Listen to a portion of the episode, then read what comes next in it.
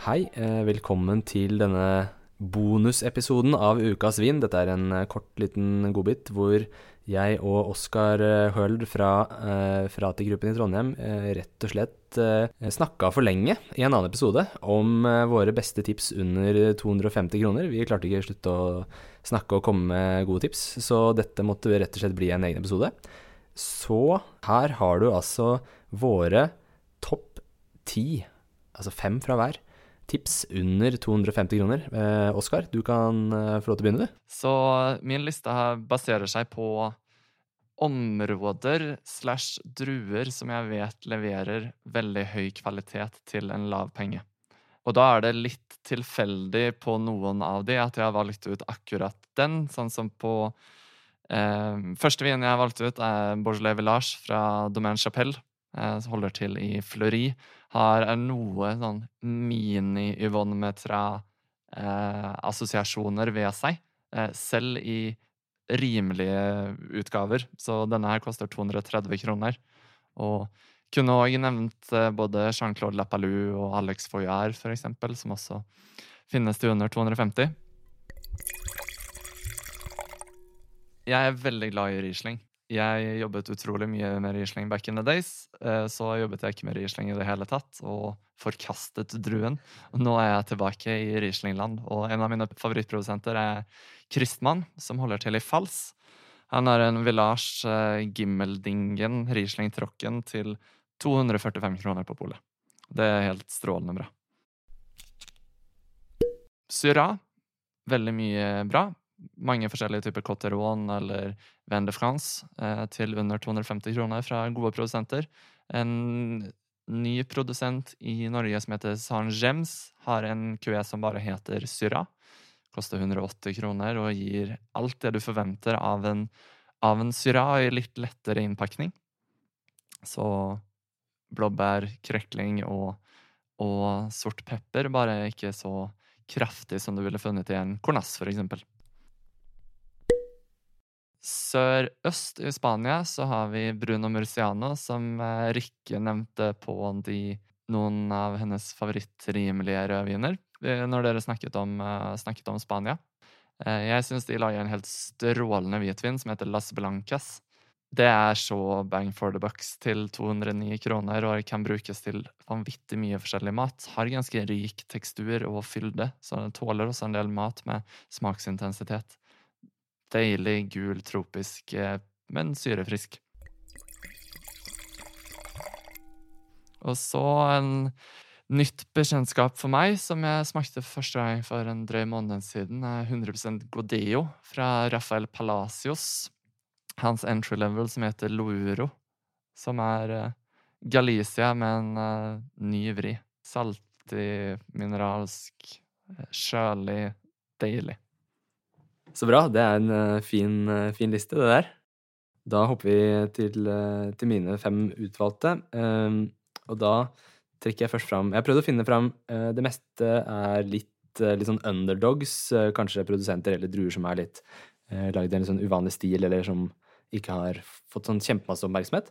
Bortsett fra Ja, produsenten er kjent, men druen er litt mindre kjent. Elisabetha Elisabetta Forodori, som holder til i Trentino, i de italienske fjellene. Eh, Hun lager en kuvé som heter Leser, som er en veldig, veldig lett ekstrahert rødvin basert på den lokale Teroldego-druen.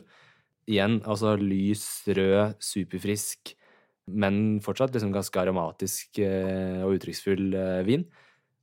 Som ligger på 239,90. Så et ganske bra kjøp fra en, en strålende, strålende kvinnelig vinmaker. Nummer to er en, eh, en vin som jeg har et uh, langt og hyggelig forhold til. En produsent som heter Lagrange Aubel i Loire. Har en kuvé som heter eh, La Chassé Rouge. Kosta lenge under 200 kroner. eh, Har nå hoppa til 219,50. Eh, Det er en vin som er eh, laget på en eh, 50-50-miks av eh, Cabernet Franc og Groyot. Så den har liksom det digge herbale preget til Cabernet Franc, en drue som jeg vet at det er mange som hater, men jeg er litt sånn svak for den selv. Jeg liker den veldig godt. Blanda med eh, det liksom juicy, lettvekter-druen Groyot.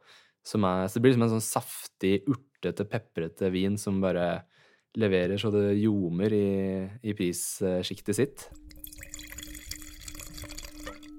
Nummer tre jeg har valgt ut, er en, eh, en, produsent som jeg også liker veldig godt, som heter uh, Cantina Furlani. Som også holder til i de italienske fjellene, men som jobber på en litt annen måte enn Forodori. Uh, de lager veldig masse petnat. veldig sånn fjellfriske viner. De har en helt ny kuvé i Norge nå som heter Alto Piano Orange. Som er noe så merkelig som Müller Turgau-basert vin. Altså en tysk, av tysk opprinnelse, men fjellene der, der er det jo litt sånn tyske overganger og, og sånn både språklig og stilmessig, så det gir mening på, på en måte. Det er en drue som er Den har liksom et lett touch av skallkontakt. Det er ikke noe sånn dyp, dyp, dyp oransje sak, men liksom en lett, saftig, med frisk vin med litt, litt stjert fra Snert fra Ikke stjert, men snert fra, fra skallkontakten. Så det er et hyggelig nytt uh, tilskudd i på det norske markedet, i hvert fall. Nummer fire er eh, en eh, Hva skal jeg si Kanskje det jeg anser som det beste kjøpet fra en ekstremt bra produsent i en av mine favorittregioner, Savoie. Eh, Domade Ardoisier har en innstekskuvé som heter Silis Blanc. Den har blitt relativt kjent i Norge Eh, allerede, vil jeg si, men det er eh, fullt fortjent. Eh, og ikke glem, må ikke glemme den. Det er en vin som er laget på 100 Jacquer, en, en lokal fjell, fjelldrue fra Savoie. Så den vinen har på en måte mye av de samme kvalitetene som toppvinene til Ardoisier, som er også litt sånn juraeske i, i stilen, men mer, mer, på en måte fjell og friskhet, og det liksom Silis er en enkel versjon av det, som bare smaker ferskt og friskt og skikkelig saftig og godt. Og min femte og siste um, vin ut er fra en region som vokser raskt uh, på meg, og har blitt kanskje min favorittregion i uh, Spania om dagen, nemlig Catalonia. Det er en imponerende ny produsent i Norge som heter Plana den Jan. De har en vin som heter Bonjan Blanc, som koster 219,90. Som er en blanding av 50% Sarello, 20% Grenache Blanc og 30% Macabeo. Så litt lokalt og litt fransk der, altså. Veldig, veldig interessant produsent som leverer utrolig mye vin for pengene. Og i en sånn tro Catalonia-stil med eh, fin friskhet, eh, og, men også liksom saftig eh, Ikke varm, men liksom moden og god frukt. Høy syrefriskhet. Ikke sånn overdøvende med mineralsk, men liksom et lite, lite touch. Og bare først og fremst liksom skikkelig juicy og friskt.